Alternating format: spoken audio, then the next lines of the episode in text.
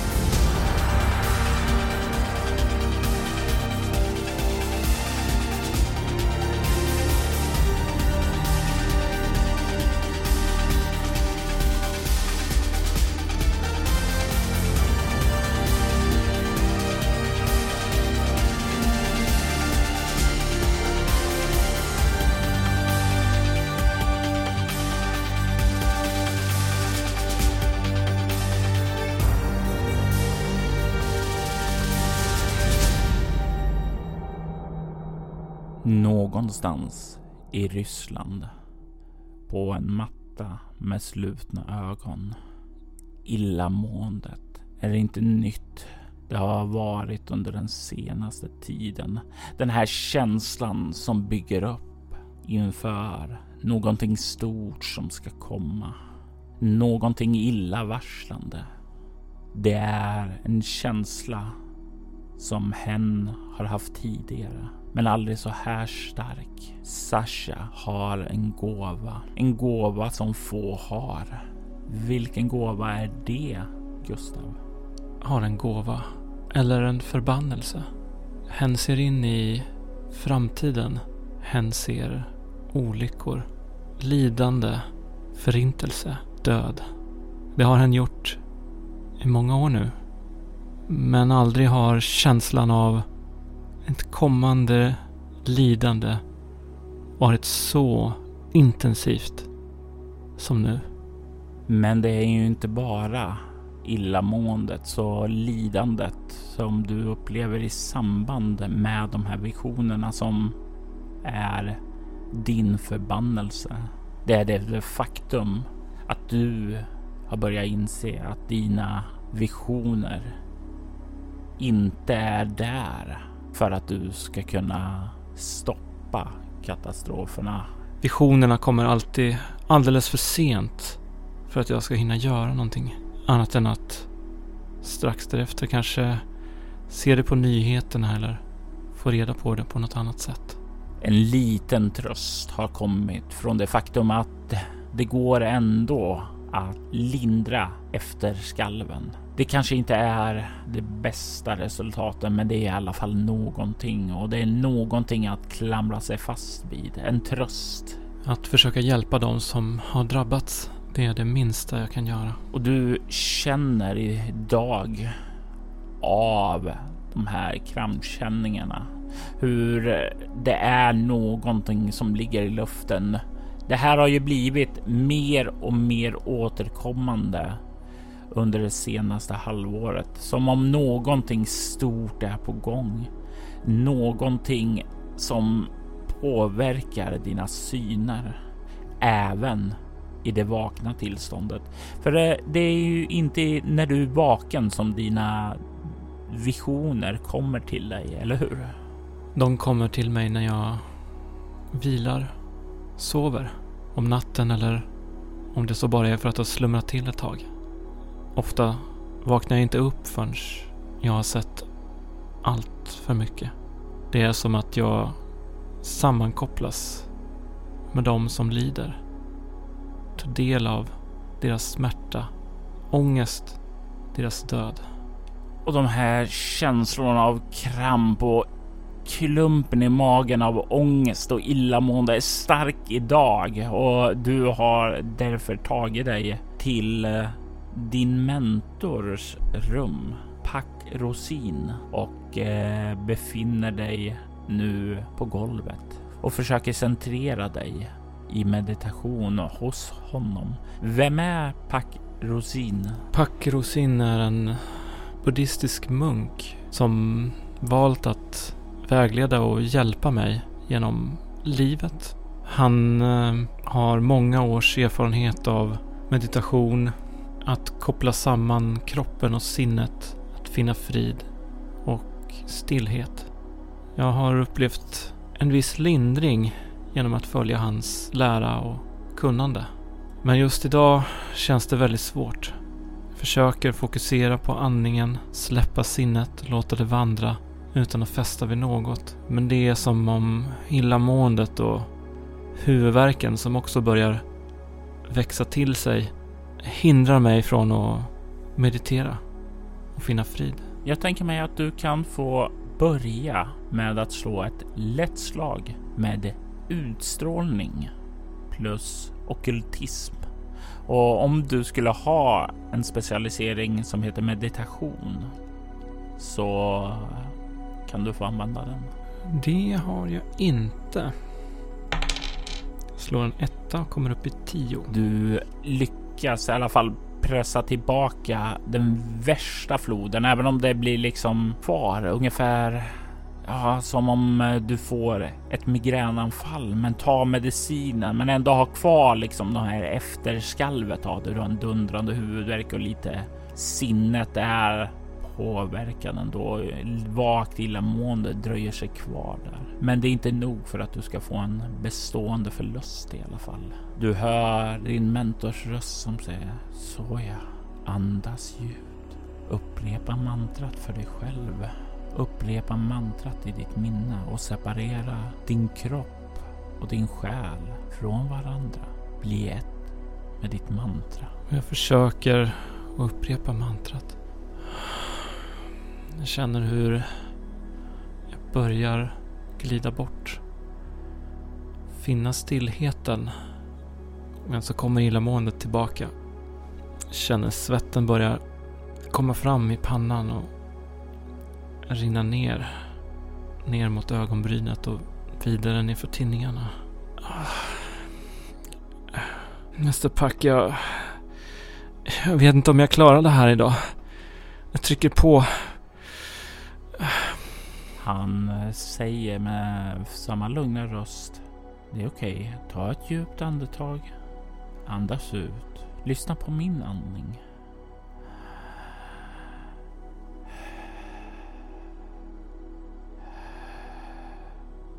Och det är någonting lugnande när du hör hans andning.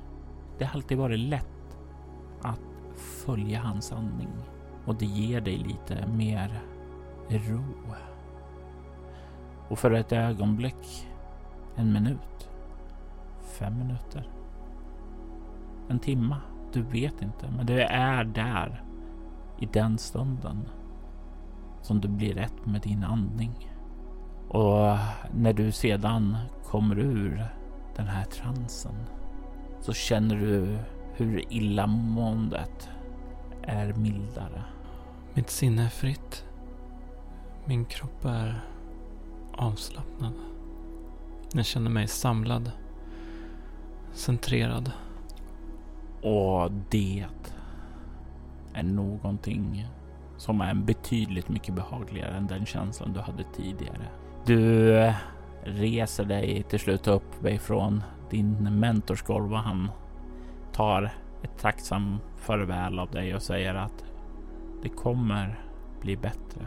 Jag ler lite mot honom genom en kort bugning och vänder mig så om för att öppna dörren och lämna hans rum. Du befinner dig ju på en av Kamera Neobushinis hemliga baser. Kan du berätta lite översiktligt? Vad är det för typ av bas? Var exakt i Ryssland ligger det? Ligger det i någon bergstrakt? Ligger längs en kust? Hur och var finner vi det här?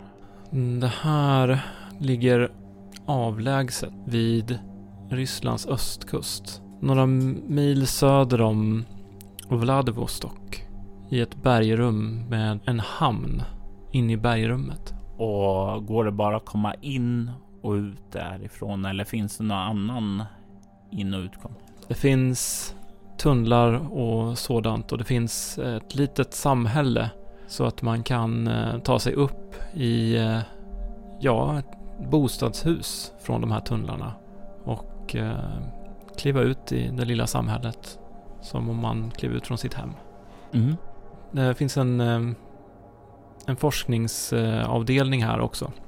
Så det är de två olika delarna. Dels den marina delen och forskningen som också verkar ha någonting att göra med eh, vad som finns ute till havs. Det är ingenting som Sasha har särskilt, eh, ja, eh, hållit på med särskilt mycket här på basen. Nej, men du vet ju att Kamera Nyby Shiny har ju ett stort fokus på folk med så kallad ESP eller andra typer av gåvor. Så exakt vad de forskar på där ute så känns det ju rimligt då i ditt sinne att det har någonting att göra med den typen av förmågor.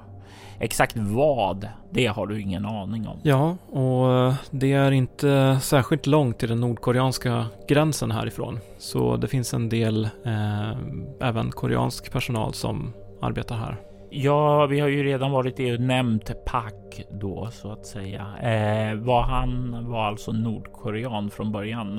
Eh, lämnat i exil då antar jag. Mm, precis. Chefen på den här basen, det är ju en ryss då, för det här är ju en rysk bas så att säga. Eh, Kamera Neoby Shiny är ju hemlig avdelning inom eh, FSB som är ja, typ den ryska underrättelsetjänsten, säkerhetspolisen. Då. Och eh, chefen heter Ruslan Makarov. Ganska kompetent man, har eh, ett eh, förflutet som soldat, eh, men har också en fingertoppskänsla. Gjorde sig känd efter han hade pensionerat sig som diplomat under några år innan han blev rekryterad till den här basen av Kamera Neobishiny. Han eh, rapporterar direkt till eh, deras chef Roman Konstantinov. Mm. Det är ju få människor som besitter förmågor idag. Det finns väldigt mycket rapporter om att det har funnits folk med förmågor och krafter förr i världen, men de är väldigt få idag. Du är en av dem och det gör ju dig väldigt, väldigt unik och det är varför du är här. Du har tillgång till en trygg miljö här att utöva träning på dina förmågor. Vid varje gång du har haft en vision så har du ju lämnat rapport om det till Ryssland och han har ju vidarebefordrat det och sen har ju Ryssland försökt ja, sätta in insatser för att lindra det här efteråt.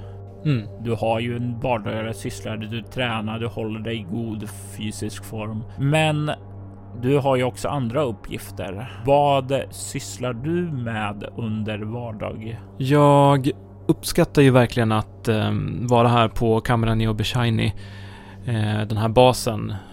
Eh, och just det här att mina visioner så snabbt som möjligt kan komma till politikernas kännedom, kan komma till eh, underrättelsetjänsten och man kan göra någonting för att så snabbt som möjligt undsätta. Allt eftersom allvaret i de här visionerna har ökat och ehm, det känns som att omfånget för hur långt ifrån jag kan uppleva saker i mina visioner blir allt större. Har jag börjat intressera mig mer och mer för världspolitik, geografi, olika styren och så vidare. Därför att eh, de här områdena kan hjälpa mig att förstå bättre de här visionerna jag har. Hur det kommer sig, vart det kommer ifrån, vad som kan tänkas ske. Men då jag delar lidandet med de som utsätts så vill jag ju också försöka hjälpa till. Så mm, vid olika incidenter så följer jag med ut för att hjälpa till som hjälparbetare i fält. Och mm, ja, nu var det några veckor sedan när jag kom tillbaka hit, men mm, det är ju en del förberedelser, kontakter och så vidare med olika team som behöver hanteras även när man inte är ute i fält. Så det, det är mycket kring det, även att läsa på. Jag har ju studerat till läkare eh, tidigare och försöker jobba vidare med mer kanske praktiska nödsituationssituationer. Eh, hur man kan hjälpa till på olika sätt vid olika typer av katastrofer. Eh, oftast är ju sådana tillfällen, eh, incidenter kännetecknas ju av dålig utrustning och dåliga förhållanden. Eh, och, och, ja, bristfällig mängd personal som kan hjälpa till och så vidare. Så det är mycket basala saker som man behöver lära sig om för att kunna hjälpa till på bästa sätt. Och det är ju inte bara där ute i fält du får hjälpa till, utan du har ju också eh, en liten eh, ja, klinik är väl att eh, beskriva det alldeles för grand, men det finns ett litet sjukrum där du får ta hand om lite sådana här enklare sår och skador som uppstår här på basen. Så det är ju, du har ju lite studier, lite sjukvård och din träning här som du balanserar saker emot. Kvällen kommer och du kommer tillbaka till ditt rum. Hur ligger rummen här eh, i basen? Är det så alla är eh, samlad på ett ställe? Är det ett stort rum? Har ni egna rum eller är det sju salar? Det finns några olika ställen på basen. Eh, tre olika ställen där det finns eh, ja, nästan som hytter eller, eller ja, rum då för, eh, för de som bor här på basen. Eh, och just där jag bor så finns det en, eh, ja, det är en korridor och det är eh, ordentliga dörrar till varje rum. Det är en, en gemensamma utrymmen för att ja, duscha och gå på toa och sådana här saker. Eh, men man har ändå ett litet eget kryp in med en, eh, en säng och ett skrivbord och, och lite sådant. Hur många personer befinner sig på basen just nu? Det är väl ett 70-tal eh, kanske. basen kan ju ta kanske 150-200 man.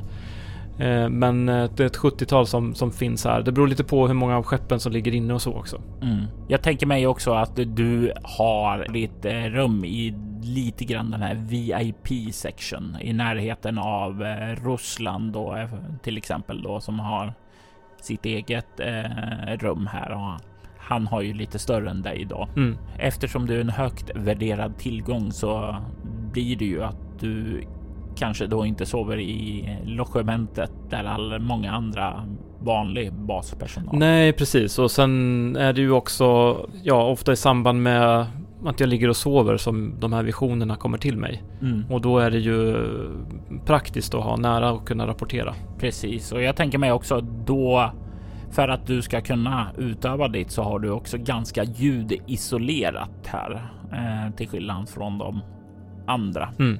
Kvällen kommer. Den här obehagliga lilla känslan lever fortfarande kvar, även om den inte är så stark nu som det var tidigare på dagen. Men det du känner ändå den här lite obehagliga känslan av att gå och lägga sig.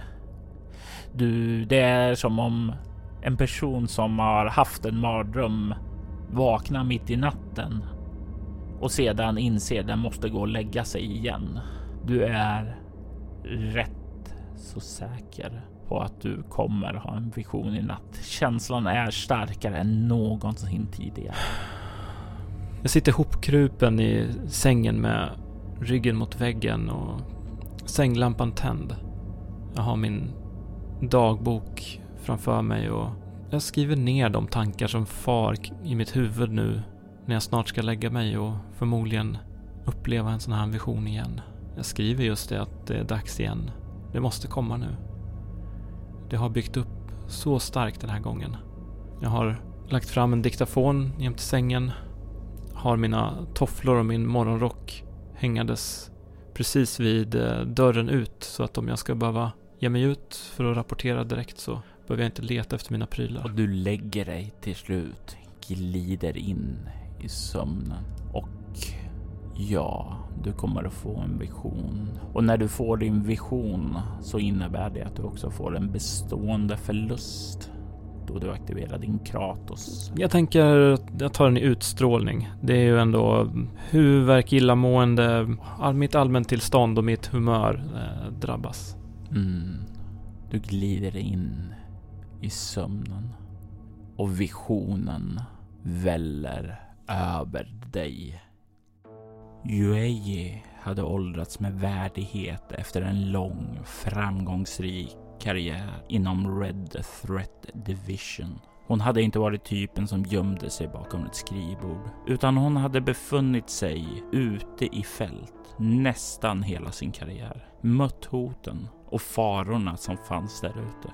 Trots att hon numera var pensionerad och inte längre aktiv som agent fanns plikten att hjälpa andra fortfarande där. Kanske var det därför som hon hade agerat utan att tveka då hon såg Camden Phillips. Camden hade varit en kollega från tiden i Red Threat Division. I alla fall tills han svikit sin plikt och förrått sitt land. Byrån hade letat efter honom efter han gått under jorden, men utan att finna honom. Inte förrän nu. Yueyi hade skymtat honom på en gata och valt att skugga honom. Det hade lett henne till en smal bakgata där Yueyi för sen insåg att hon hade gått i Camdens fälla. Ett hårt slag i huvudet fick allt att svartna. Yueyi stönade då hon vaknade. Au! Det dundrade i bakhuvudet där hon blivit slagen. Hon försökte röra på sig, men insåg att hon var fastbunden vid en stol. God morgon, Yuei. Hon frös till is då hon hörde hans röst. Du behöver inte låtsas vara medvetslös. Jag vet att du är vaken. Yuei höjde sakta huvudet och öppnade ögonen. Hon såg en källarlokal som var nästintill öde. Framför henne satt Camden på en stol.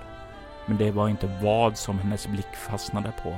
Det var den stora bomben mellan dem. Hon hade sett bomber tidigare, men det här var annorlunda. Mer fruktansvärt än något hon hade sett tidigare. Camden, vi, vi letade efter dig när du försvann. Vad, vad har du blivit indragen i? Jag ger världen en ny chans, min vän. En ny chans? Vad pratar du om? Hotet bortom stjärnorna drar närmare. Varje dag vi inte förbereder oss på det är en dag närmare vår undergång. Har du blivit fullkomligt galen? Vad är det för sånt här drabbel som du förrådde byrån? Jag har inte förrått någon, Yuei. Jag mötte en man som såg hotet vi missade. Som vill göra världen redo för det. Vi måste skala av de svaga sinnen om vi ska segra. Med en bomb? Vad för skillnad hade du tänkt göra med en bomb? Inte vilken bomb som helst. En atombomb. Orden högg som en kniv i Yueis hjärta. Hon skulle inte kunna fly från bombens räckvidd och hon hade inte heller expertisen att desarmera den. Enda sättet att överleva var nu att nå fram till den galne Camden. Vad ska du upp, upp, uppnå med att detonera den? Vet du hur många oskyldiga som kommer förlora livet? Alla krig har sina offer. Så du ska lämna mig här med bomben och detonera den på avstånd? Nej, Yuei. Min ledare har valt mig till detta uppdrag och min uppgift är att stanna här så att ingen stoppar den från att detonera. Men det är ju självmord, Camden. Det är ett offer som måste göras. Världens framtid står på spel. Vem har fått dig att tro att världens framtid hänger på att Jerusalems folk ska dö? Hör du inte hur galet det låter? Det är inte bara i Jerusalem. Vi finns över hela Mellanöstern för att förgöra födelsevaggan för mänsklighetens största boja någonsin. De abrahamitiska religionerna. Efter att dagen är över så kommer ingen någonsin kunna leva i den radioaktiva öken som vi lämnat efter oss. Yuei gapade av förvåning. Hennes hjärta slog snabbt. Camden var inte bara galen, han var delaktig i en terroristorganisation som skulle orsaka fler dödsfall på en dag än vad två världskrig hade krävt under flera år. Jag vet att du har ett gott hjärta, Yuei. Det var alltid det som jag uppskattade mest hos dig. Jag är glad att du är med mig nu. Tillsammans räddar vi världen ännu en gång. Camden drog fram detonatorn ur sin ficka samtidigt som Yuei skrek. Vänta, låt oss tala om... Världen dränktes i ett vitt sken och i samma sekund släckte Yueis liv tillsammans med Camdens och hela Jerusalems befolkning. Atombomben var fruktansvärd. Den förintade staden på sekunder. Det var en gigantisk katastrof, men den förringades redan sekunderna efteråt och nästa atombomb briserade.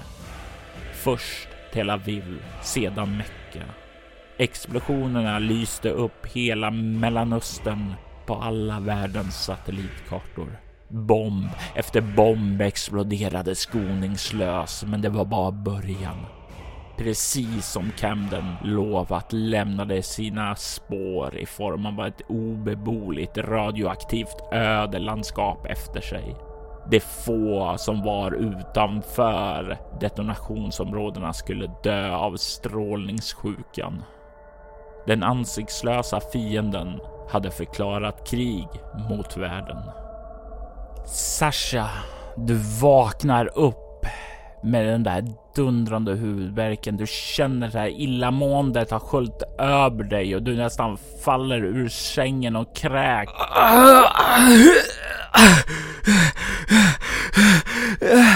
Jag försöker ta mig upp. Känner svetten vid nattlinnet och tar mig upp. Ah.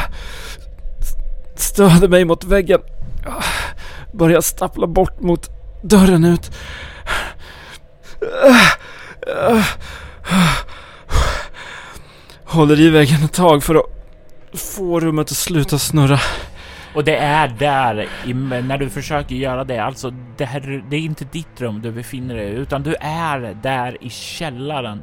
Där i källaren där Yueji var tillsammans med Camden innan allting släcktes ut av den där atomexplosionen. Du fasar nästan in och ut emellan ditt rum och det där och du har svårt att fokusera och hitta dörren även om du vet var den ska vara. Jag snubblar fram och faller ner på golvet när det skiftar igen och försöker se bort mot där bomben står. Men det är ingen bomb. Det är bara ditt skrivbord. Sakta, sakta så bleknar källaren bort.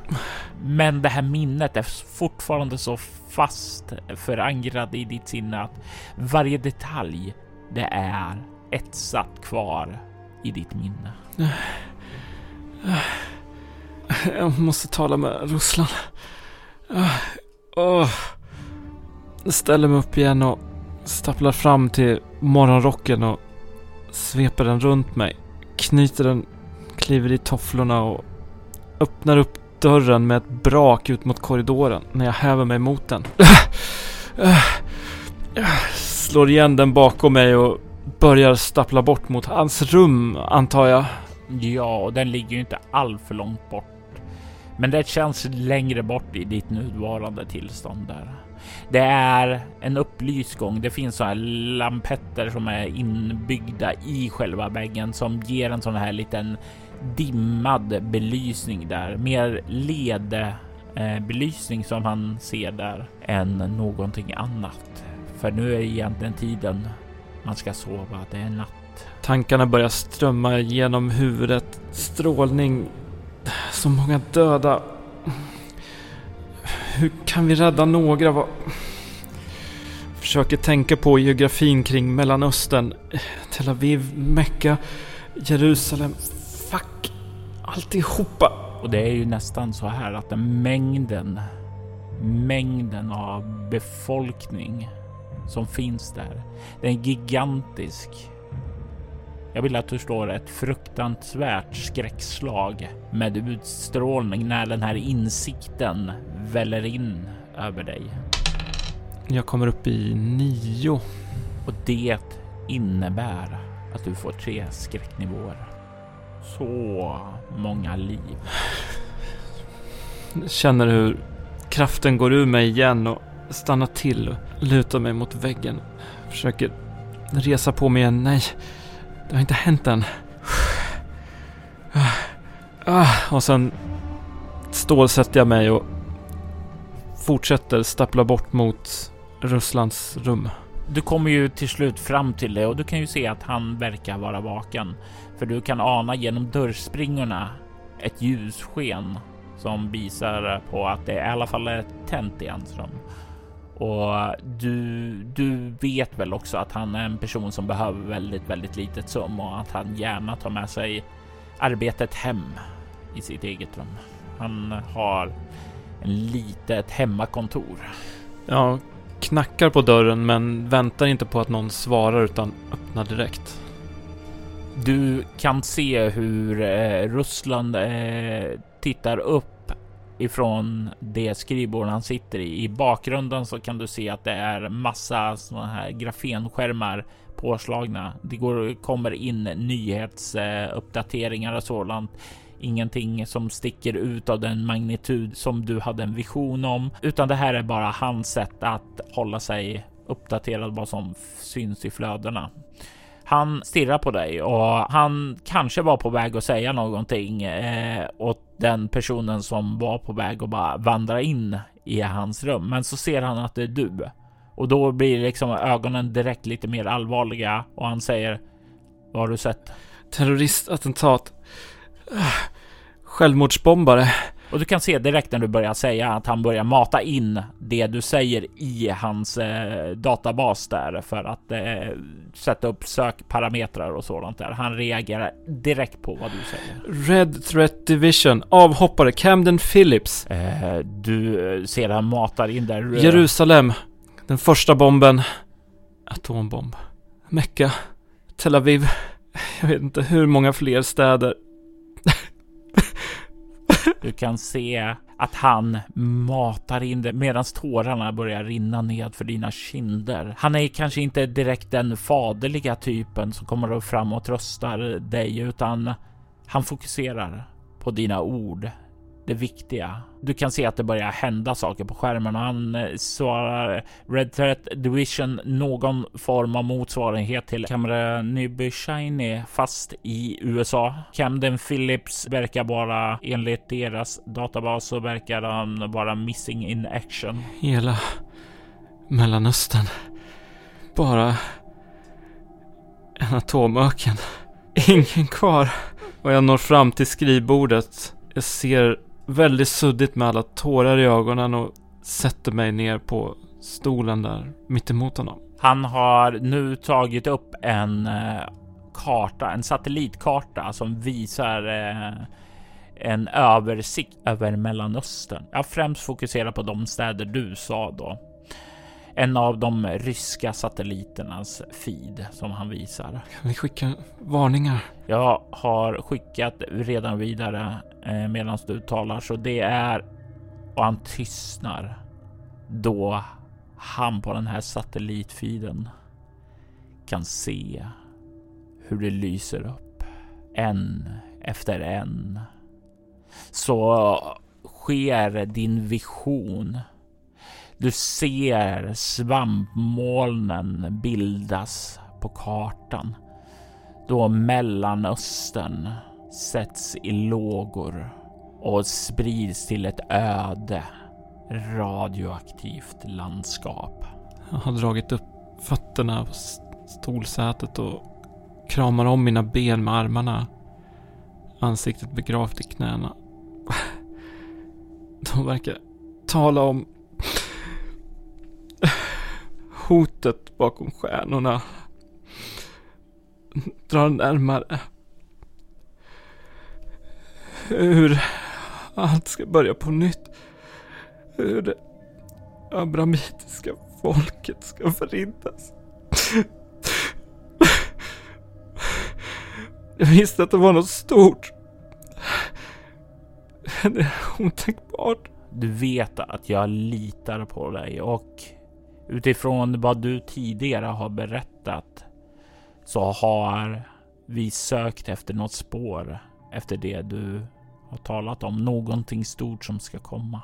Och jag säger vi, för Ryssland är inte ensam om det här. Andra kanske är mer intresserade av att käbbla med varandra i FN, men vi inom alliansen, vi har börjat leta utifrån dina vibbar och vi har börjat se att det är något som rör sig i skuggorna.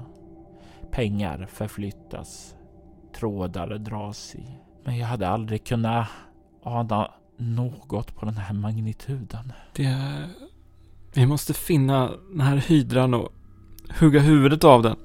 Har vi någonting att gå på? Jag vet och sen så kan du se att han eh, verkar få någon form av kommuniké på sitt grafeninterface som han tar upp, kollar på, verkar studera det ett tag och han säger eh, jag börjar få in rapporter här från Roman. Eh, det är mycket som rör sig nu väldigt snabbt där. Eh, jag skulle nog rekommendera att du tar dig tillbaka till ditt rum, byter om, för jag tror vi kommer att behöva gå i tjänst nu. Okej. Kom tillbaka när du är klar. Torkar bort tårarna från kinderna med båda händerna och ställer mig upp. Försöker fokusera på arbetet. Försöker tränga undan den här fruktansvärda händelsen. Den ligger fortfarande där som en drake som väntar att sluka mig. Men just nu väljer jag inte att titta på den. Jag börjar gå bort mot dörren. Vänder mig om mot honom en sista gång och nickar. Och sen går jag ut tillbaka till mitt rum. Du eh, har betydligt lättare att ta dig tillbaka till ditt rum än vad du hade att ta dig ifrån det nu när du fått grepp om verkligheten du befinner dig i. Vad byter du om till för kläder? Hur ser Sasha ut?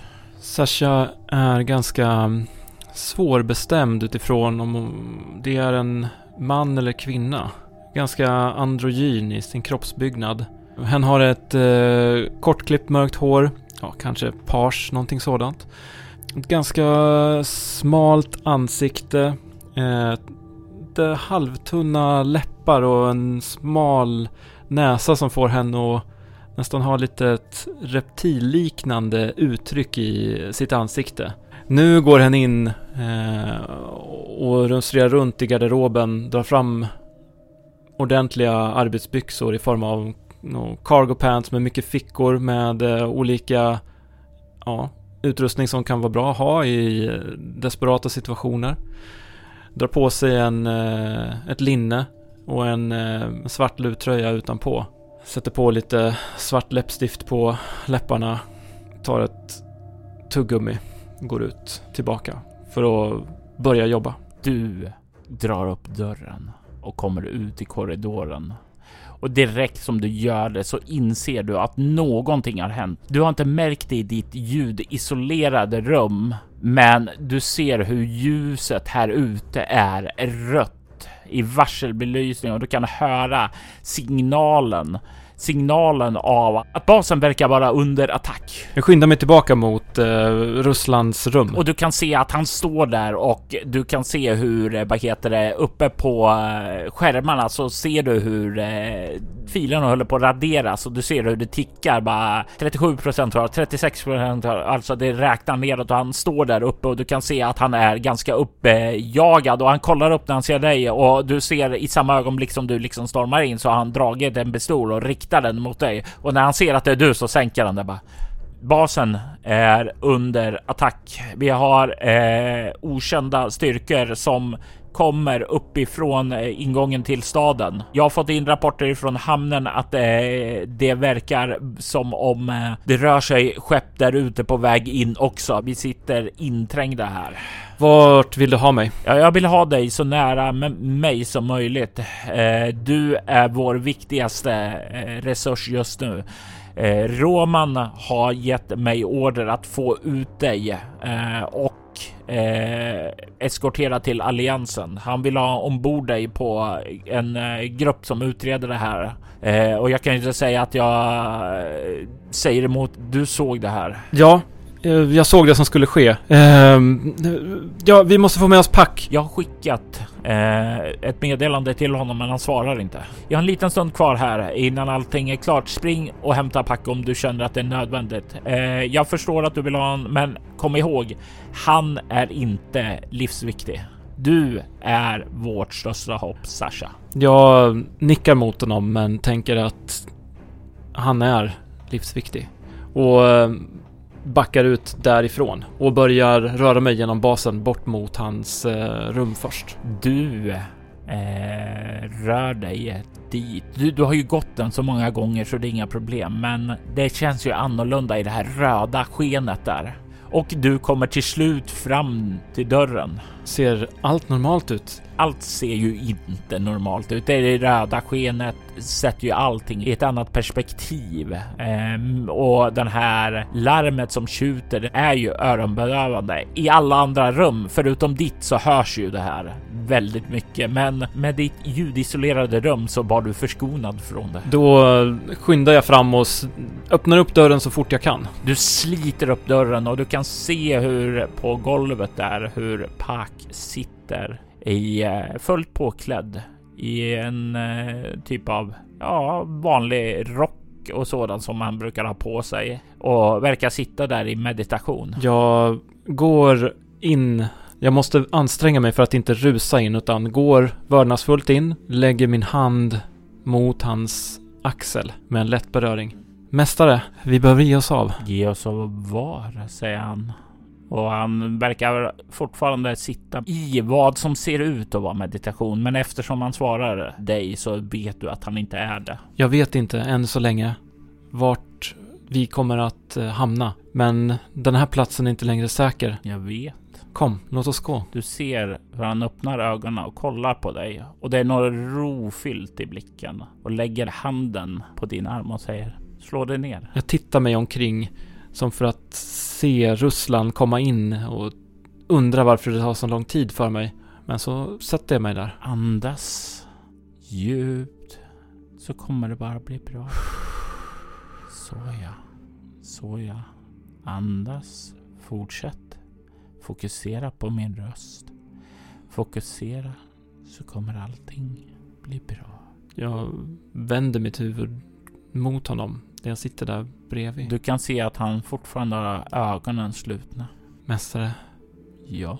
Jag vet att du är en fredlig själ. Jag behöver fortfarande ditt stöd. Snälla, följ med mig. Följ med mig längs den stig som vi båda är menade att vandra. Vi måste först låta våra kroppar lämna den här platsen. Ja, precis. Andas djupt och låt kroppen lämna denna plats. Res dig. Snälla, jag ber dig. Vi måste stanna här så våra kroppar kan lämna denna plats. Hur? Hur? Genom att andas och frigöra sitt sinne. Som sagt var, vägen till nirvana är lång, men vi båda kan vandra den. Vi behöver bara skala av de kötsliga bojor vi finns i. Jag respekterar din tro, mästare. Men jag känner mig inte redo. Jag kommer vara ensam här. Jag kommer vara vilse utan dig. Jag ber dig, följ med mig nu. Följa med dig? Var någonstans? Vi är båda ämnade att stanna här.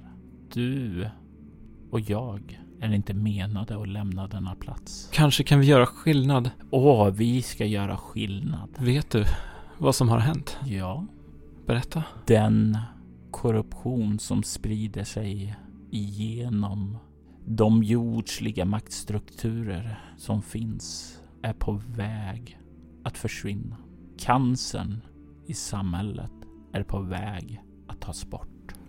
Tittar på honom med skräck. Han har fortfarande ögonen slutna.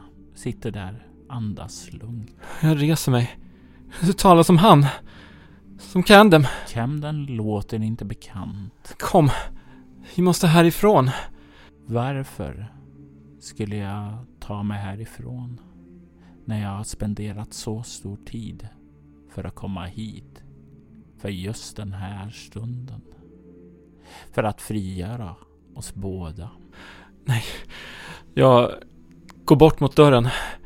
Du kan höra ett ljud av dörren som låses. Detta kommer vara vår grav. Nej, jag går fram och bankar på dörren. Hallå, hjälp, öppna! Är du säker på att du vill göra oljud som andra kan höra? Är du säker på att dina vänner kommer dit för att hämta dig? Och inte de andra som är där ute? Vi måste härifrån! Vadå ta bort det som binder oss här? Hela arabvärlden är utplånad. Ett första steg för en bättre värld. Nej, du kan inte mena det. Så många oskyldiga döda. Alla krig har sitt offer. Jag rusar fram mot honom och ger honom en örfil över ansiktet, det hårdaste jag kan. Du kan få slå ett kropp närstrid. Jag har fyra i kropp och inget i närstrid, så två plus en tärning. Jag slår en sexa, så jag kommer upp i åtta. Du smäller ju till honom. Du kan ju se att det blir över kinden som nästan liksom, det blir rött där du träffar med handen där. Huvudet rycker ju till där, men han skriker inte till det, utan det är som han befinner sig i ett eh, permanent stadium av lugn där. Han öppnar ögonen och kollar på dig med en säker, stadig blick. Du kan inte stå bakom det här. Det är så groteskt! Att mörda så många! Du Jag står inte bakom det här! Du har lärt dig att kontrollera ditt sinne och jag har lärt dig för att följa med mig vidare. Du och jag, vi är en del av problemet. Vi måste låta detta bli vår grav. Lås upp dörren! Nej, säger han och kollar på dig med en bestämd blick och du kan se hur han börjar resa sig upp nu. Jag försöker se om man har någon mekanism eller eh, om man har sitt grafeninterface eller någonting som man kan använda för att låsa dörren. Du kan få slå ett eh, lätt slag med kropp obemärkt eller kropp teknologi. Jag väljer kropp obemärkt. Ehm, jag kommer upp i nio.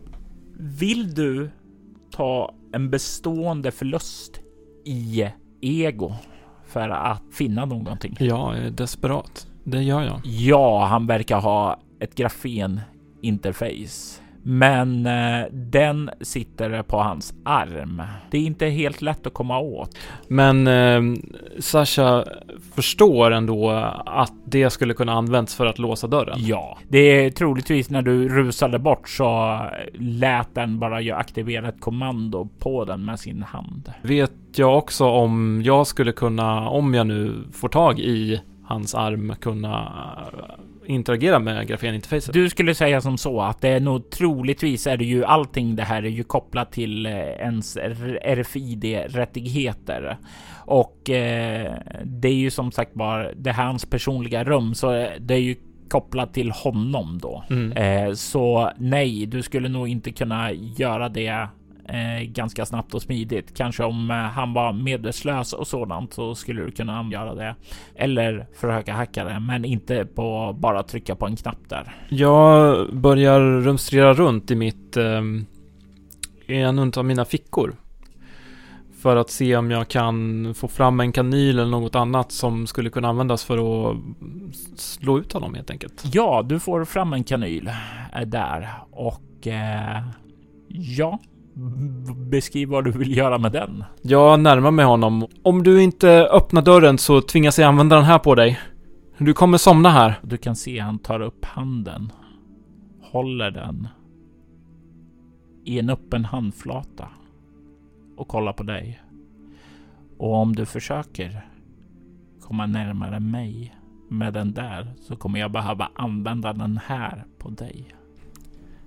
Jag inser ju att han är ett vapen. Jag backar undan ett steg. Snälla, låt mig bara gå. Du och jag ska dö här. Det är det bästa för världen. Nej, du har fel.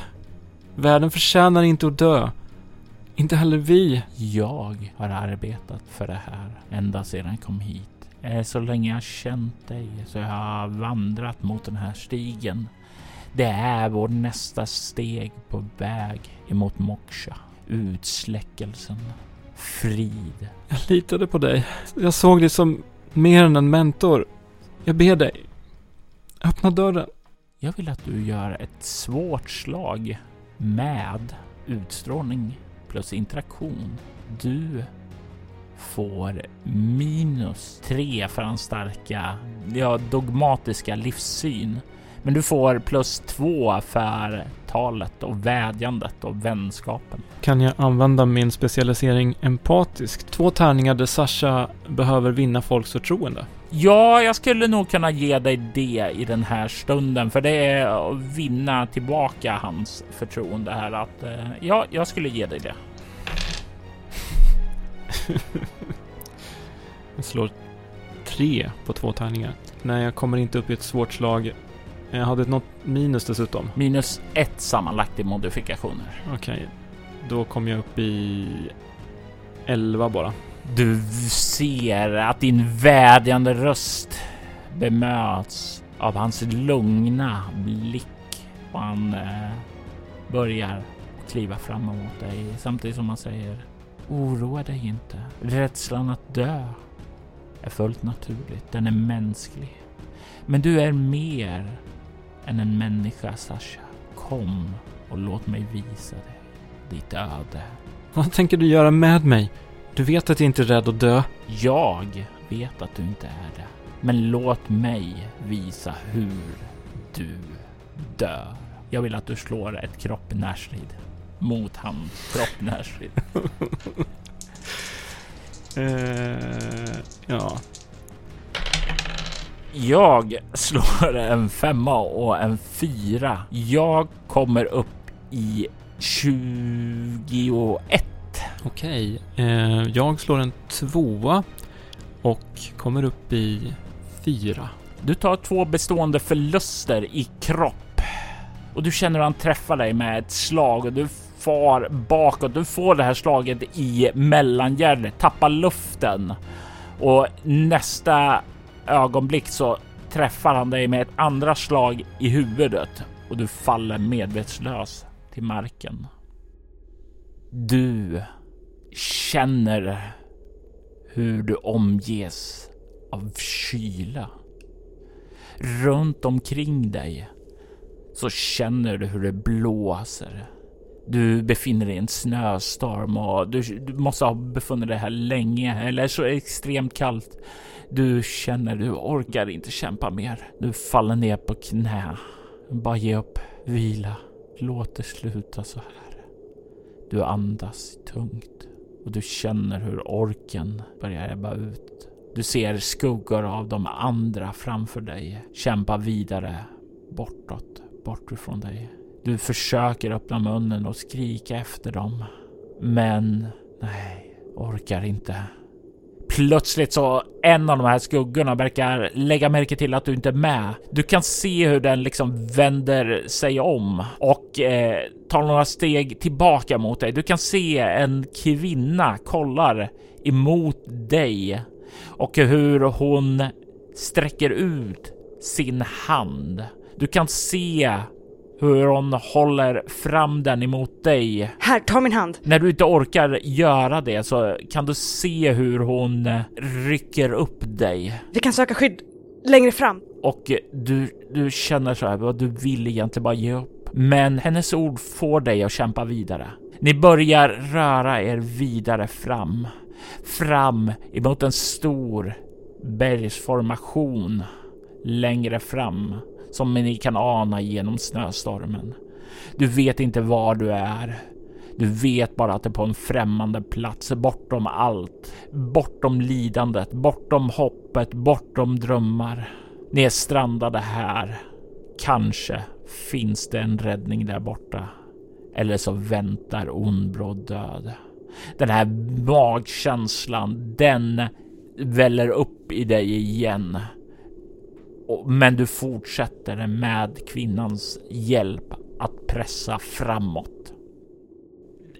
Du har haft en ny vision och kan ta en bestående förlust i valfri egenskap. Du vaknas upp av en väckarklocka i form av ett pistolskott och en kropp som dunsar ihop. Nu hörs ljudet klart och tydligt utifrån hallen. Du hör ljudet av alarmen, men även av eldgivning där utifrån. Det verkar som styrkor har dragit närmare och du kan höra Russlands röst som säger Vakna! Vakna! Ah, Russland. Ah, ah, vart är vi? Vi är Paxrum. Han... Han är inte ett hot längre, säger han och du kan känna hur Russland tar tag i din arm och drar dig upp på fötter. Eh, jag vänder mig om mot Pack. Och du kan se hans kropp ligger på marken. Hans blick stirrar upp i taket och trots att han har ett kulhål i pannan så har han ett fridfullt leende på sina läppar. Och det får det att gå kalla kårar genom din ryggrad när du ser din vän, din mentor, ligga där och vad du upplevde. Jag vill att du slår ett chockartat skräckslag med utstrålning. Kommer upp i fem. Du får två skräcknivåer till. Det har varit en väldigt, väldigt prövande kväll. Herr Makarov. Han var en av dem. Och du kan se han nickar. Eh, Okej. Vi borde ha förhört honom. Vi har inte tid för det nu. Vi behöver röra oss. Min uppgift är att eskortera dig ut. Du är prio ett. Roman vill att du ska komma härifrån. Här, ta på dig den här skyddsvästen. Du kan se en annan soldat kommer in med en skyddsväst där och räcker över den till dig.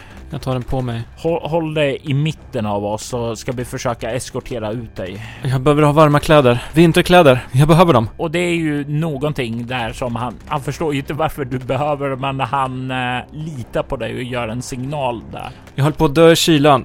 Vi var några som vandrade genom vinterlandskap. Det är väl rätt kallt ute nu. Kanske klarar jag mig bättre om jag har en bra vinterskrud. Vi ordnar det på, vänta, du sa ute. Ja, någon kvinna. Hon hjälpte mig. Vi gick genom snön. Jag var på väg att frysa ihjäl. Undra om vi kan ändra på jag hade ju tänkt ge order om att vi beger oss uppåt ut genom staden och försöker forcera där. Kanske är det enda sättet. Vi behöver ordentliga kläder. Men om vi ändrar och tar båten istället. Jag behöver ändå varma kläder. Ja, ja, ja, vi ordnar varma kläder åt dig. Men eh, vad tror du? Eh, båten och försöka kringgå visionen eller följa möjligheten för att visionen slår in. Vi var på väg mot någon plats. Ett skydd. Vart skulle du ta oss i så fall? Eh, till närmsta kamera Neo Beshaini bas. Ja, om vi gick ut till fots. Eh, samma ställe, bara följa längs kusten. Hur lång vandring? Eh, vandring. Vi har ett safe place med bilar där som inte Pack kände till där så eh, den borde vara orörd.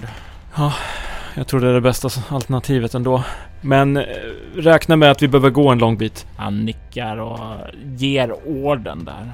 Och ni börjar röra er ut. Ni stannar till ett förråd där ordentlig klädsel hämtas ut där också. I bakgrunden så kan ni höra eldgivning avges och det pågår en ständig katt och råtta-lek här inne. Jag vill att du slår ett eh, kropp plus stridsbana för att se hur väl du- du hanterar den här situationen, hur mycket du uppfattar och hur mycket du kan bidra. Lätt slag. Jag kommer upp i två. Man kan väl säga som så här. Det här är ju inte en situation du är van med, eller hur? Nej, eh, verkligen inte. Eldgivning sker omkring dig och det är, ibland så kommer den väldigt, väldigt nära och du kan ju till och med se vid något tillfälle att eh, den styrka män som är med dig också tunnas ut när någon blir nedskjuten där, där ni blir överraskade. Eh, hur några stannar kvar för att täcka er rörelse vidare. Män dör och det här är ju som sagt var hemskt. Du har ju upplevt mycket nu under natten. Men nu så är det på riktigt. Alltså det är i den fysiska. Du ser bekanta, kanske inte vänner, men ändå bekanta som dör omkring dig. Och jag vill att du slår ett chockartat skräckslag med kropp för de här farorna som viner omkring dig. Kommer upp i tre. Du får två stycken skräcknivåer. Nu har jag fyllt mina allmänna skräcknivåer så att eh, jag sätter de här på um, stress. Båda två. Det är ju en stressfylld situation. Hur känns det att bara mitt i det här kaoset Det känns overkligt, men påtagligt på samma gång. Som om jag är i en vision, men ändå allt på riktigt. Och tanken på att inte herr Makarov var där i snön får mig inse att ja, om inte han stannar kvar här utan följer med så betyder det att han inte klarade sig. En hård eldgivning sker och ni förlorar allt mer soldater. När ni väl lyckas nedgöra den befästning som har markerats upp vid själva utgången upp till staden så är det i princip bara du, Makarov och två andra kvar. Och han ger en nick åt dig, Ta dig upp eh, och ta, ta med dig eh, Vlad här. Eh, ni två tar er upp till bilen, tar er bort till den andra basen så stannar jag och Stanislava här och täcker er väg ut. Bra. Vi håller dem så länge vi kan. Håll dig i livet. Vi ses. Du kan se han ger dig en blick ungefär som om hans bravado säger det ska jag göra. Jag ska hålla den här så länge som möjligt. Men hans ögon, de visar ju sanningen. Han gör ett offer här. Han har orden att du ska komma ut här i liv och han ger gladeligen sitt liv för det. Han nickar åt dig. Jag skyndar med hans eh, soldat. Jag kan inte... Jag kan inte klara av fler avsked. Jag bara går. Och Nick går in i den lilla kammaren där för att sedan klättra upp för den här långa, långa stegen som leder upp ut i källaren på den här byggnaden. Ni tar er ut ifrån det. Just när ni kommer ut från den här själva stegen upp i källaren så kan ni höra hur eldgivningen börjar där nere. Kan höra ljudet av en explosion från en granat, men du vet inte om det är Ryssland som eh, får smaka på den eller om det är fienderna får göra det. Men ni slår igen luckan där och tar er ut. Ni rör er ut i staden och bort till det dolda garaget. Hela tiden så känns det verkligen hur nerverna dallrar. Det är obekant situation för dig. Du har ju alltid kommit till krissituationerna efter de har utspelat sig, men du befinner dig mitt i ännu. Du sitter i bilen med Vlad och lämnar staden för att bege er mot den andra basen där innan du kan slussas vidare till en grupp som Roman har gett order du ska vara en delaktighet i. Du sitter med nerverna på spel och väntar på den där situationen ute i snön, men den kommer aldrig. Den dyker aldrig upp. Du förstår inte riktigt varför. Det måste varit någon annan. Som vanligt. Det måste varit någon annan. Varför såg jag inte det här? Varför var inte det här en av mina visioner? Vi kanske hade kunnat ha nytta av dem för en gångs skull. Fuck. Du anländer till slut till den nya basen. Du eh, får i dig lite mat och vila innan du får dina nya order att ansluta dig till den nyformade grupp som kommer att utreda den här händelsen. Vilka är det som har gjort det här terrordådet? Vilka var det som stormade er bas? Det vet inte du nu, men är det en sak du vet så är det att du kommer att ta reda på det. Du och de andra. Det är den här händelsen som du har känt komma. Den här stormen. Och det är den här stormen som du inser att du är född att vandra igenom. Skuggstater är en berättelse skriven, redigerad och spelad av Robert Jonsson och utgiven av Myling Spel. I detta avsnitt hör vi Gustav Rutgård som Sasha Kropin. I gästrollerna hör vi Anneli Thunberg som Chan Yueji, Mattias Fredriksson som Camden Phillips och Emily Drotz som Catherine Wagner. Temamusiken till Skuggstaten gjordes av Daniel Lindholm. Du hittar länkar till hans kanaler i avsnittets inlägg. Övrig musik gjordes av Adrian von Ziegler, Dreamstate Logic, Magnus Erlandsson, Marcus Junikala och Sver 6 som är ett band som tillhör bolaget Cryo Chamber. Vill du ha stämningsfull ambient musik till dina spelmöten rekommenderas de varmt.